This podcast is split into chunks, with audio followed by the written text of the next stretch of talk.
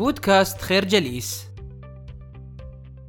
يعرف الدكتور خالد المنيف المرحلة الملكية بأنها مرحلة يملك فيها الإنسان حياته حيث تتفتح فيها مداركه وتبعد فيها بصيرته ويتسع فيها صدره. فيها تنشأ من تراكم خبرات وتجارب كثيرة وعديدة يمر من خلالها الإنسان في حياته وقد سماها الكاتب ملكية لسببين أساسيين. الأول هو فخامة المرحلة وروعتها والثاني ليدلل بأن حياتك ستكون ملك لك أنت. ففي هذه المرحلة لن تتورط في معارك تافهة ولا جدالات سخيفة. فلن تضيع دقيقة من وقتك لإقناع من لا يريد أن يفهم حيث ستصل إلى قناعة أن هذا اختياره وهو المسؤول عنه. كما أنك إن ابتليت بكذاب فإنك لن تقوم لتحشد الأدلة لإثبات كذبه فهذا الفعل لن يقدم أو يؤخر من حياتك شيء. في المرحلة الملكية لن تعطي توافه الأمور أكثر من حجمها فلن يزعجك صراخ طفل أو سكب عصير على الطاولة أو زحام الشارع أو حتى كلمة نابية من سفيه. ستعرف أن كل هذه الأمور توافه لا تستحق أن تضيع فيها تفكيرك ووقتك عليها. في هذه المرحلة لن تسلم عقلك لأي أحد. ولن تدع أحد يفكر عنك وستكون قراراتك بيدك أنت كما أنك ستدرك فيها بأن الهداية بيد الله يهدي بها من يشاء من عباده. في المرحلة الملكية لن تقارن نفسك بأحد ولن تتعب نفسك في البحث عن الأحسن والأروع والأجمل حيث أنك سترضى فيها بالحسن والمقبول والجميل. ستدرك في هذه المرحلة بأنك المسؤول الرئيسي عن حياتك. وعن كل جوانبها المختلفة كالعائلة والصحة والعمل. فلن يتحمل أحد عنك هما وستدرك بأن حياتك هي رهن لتفكيرك وأن التكيف مع الظروف أحد أهم أسباب السعادة. في المرحلة الملكية ستدرك بأن الحال لا يدوم وأن الألم يزول والوجع ينتهي والظلم يرفع. فلا مواقف في الحياة ميؤوس منها والأمل دائما موجود. ويبقى السؤال المهم لماذا تنتظر مرحلة عمرية معينة حتى تنعم بالمرحلة الملكية بل عليك أن تنعم بها الآن وأنت في ريع شبابك وربيع عمرك لتعيش حياة فخمة تليق بك. الفكرة المرحلة الملكية هي مرحلة يملك فيها الإنسان حياته حيث تتفتح فيها مداركه وتبعد فيها بصيرته ويتسع فيها صدره. يواجه الإنسان في الحياة وبشكل يومي العديد من الصعوبات والعقبات التي تتسبب في خلق ضغوطات مختلفة عليه. لذلك يقدم المؤلف خالد المنيف مجموعة من النصائح التي تساعد في السيطرة على ضغوطات الحياة. أولا لا تراقب الناس وعليك بنفسك.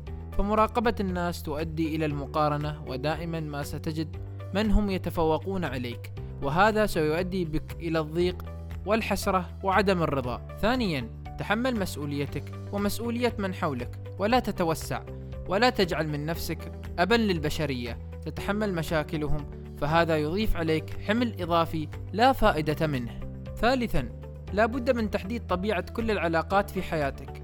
فميز بين الصداقة والقرابة والزمالة والمعرفة. فبعض هذه العلاقات تضيف إليك عبئا كبيرا فلا تحمل نفسك فوق طاقتها.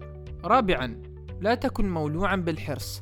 فهذه الصفة تضيف إليك ضغوطا كبيرة. فالحرص على تنمية المال أو الحصول على ترقية أو منصب قد يكون في كثير من الأحيان خارج نطاق سيطرتك وتحكمك. فعليك ببذل الجهد ثم ترضى بما كتب الله لك. خامسا لا تبالغ في العطاء. فالعطاء المبالغ فيه أو التضحيات المتكلفة هي بمثابة إعلان حرب على النفس بل وإعدام إرادي لها. سادسا يومك يومك. لا تحمل هم الغد. فهو بيد الله. استمتع باللحظة الحالية. استمتع بالآن. سابعا. اختلي بنفسك واسترخي ولو لخمسة دقائق. ابحث عن مكان هادئ ومريح وبدون أي ضجيج. تجنب فيها الهاتف وخاصة برامج التواصل الاجتماعي. استرخي واغمض عينيك وتنفس بعمق وافرض على من حولك احترام خصوصيتك. ثامنا. تقبل ما كان ايا كان. سواء كان ذلك خسارة مالية أو إخفاق دراسي أو تأخر ترقية أو فقدان عزيز فالماضي لا يتغير أما الحاضر فهو ملك يديك.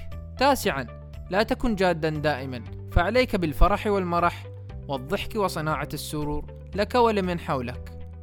عاشرا تأكد وثق ثقة تامة أن من كان معه ربه فلن يخذله فحافظ على فرائضك ولا تتهاون فيها. وداوم على فعل الخير فذا يفتح لك أبواب المستحيل. الفكرة تمتع بالصبح ما دمت فيه. لا تخف أن يزول حتى يزول. هناك سؤال عادة ما يردده الكثير من البشر وهو لماذا يكرهني الناس؟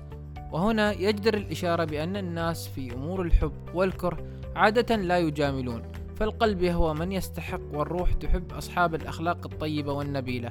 ولكن للأسف يقوم بعض الناس بالتفنن في إيذاء الغير وزرع بذور الكراهية وخلق المشاكل المختلفة ثم يقولون وبكل برود لماذا يكرهنا الناس؟ وهنا يصدق لسان الشاعر أبو العتاهية عندما قال ترجو النجاة ولم تسلك مسالكها إن السفينة لا تجري على اليبس.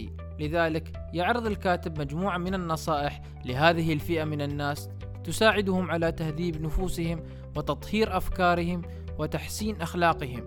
ومن أهم هذه النصائح أولا يجب أن تترك عادة العناد الشديد والإصرار على الرأي سواء كان صحيحا أم خطأ خاصة في صغائر الأمور.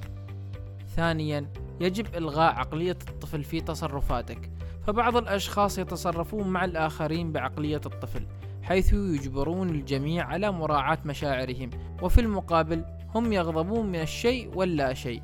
ولديهم عقلية متسلطة حيث يرغبون بأن يسمع كلامهم ويؤخذ بوجهات نظرهم وأن تتحقق رغباتهم وإن لم يحدث ذلك أقاموا الدنيا وأفسدوا كل شيء وعكروا مزاج الجميع ثالثا عند الحديث مع الآخرين والجدال معهم يجب أن تتجنب التحدث بصوت عال أو استخدام ألفاظ جارحة أو مفردات سوقية. رابعًا، حاول أن تتقبل آراء الآخرين بصدر رحب، وكن متفتح العقل، ولا ترد على اقتراحاتهم أو ملاحظاتهم بصورة عدوانية. خامسًا، لا تكن ممن يكثر التمارض والتوجع ويدمن الشكوى والأنين. فبهذا الفعل تكون مصدر طاقة سلبية لمن حولك. سادسا لا تكن ممن يحترف قتل الفرح ويشوه كل ما هو جميل ورائع. ويقلل من حجم إنجازات الغير ويشكك في نجاحاتهم. سابعا لا تتذمر من الحياة سواء كان دراسة أو وظيفة أو صديق أو شريك حياة. ثامنا كن ممن يشكر النعمة ويقدر المعروف من الناس ولا تجحد إحسانهم لك. الفكرة لن يموت أحد بدلا منك لذا فإنك يجدر بك أن تحيا حياتك بنفسك. نشكركم على حسن استماعكم. تابعونا على مواقع التواصل الاجتماعي لخير جليس. كما يسرنا الاستماع لآرائكم واقتراحاتكم. ونسعد باشتراككم في البودكاست.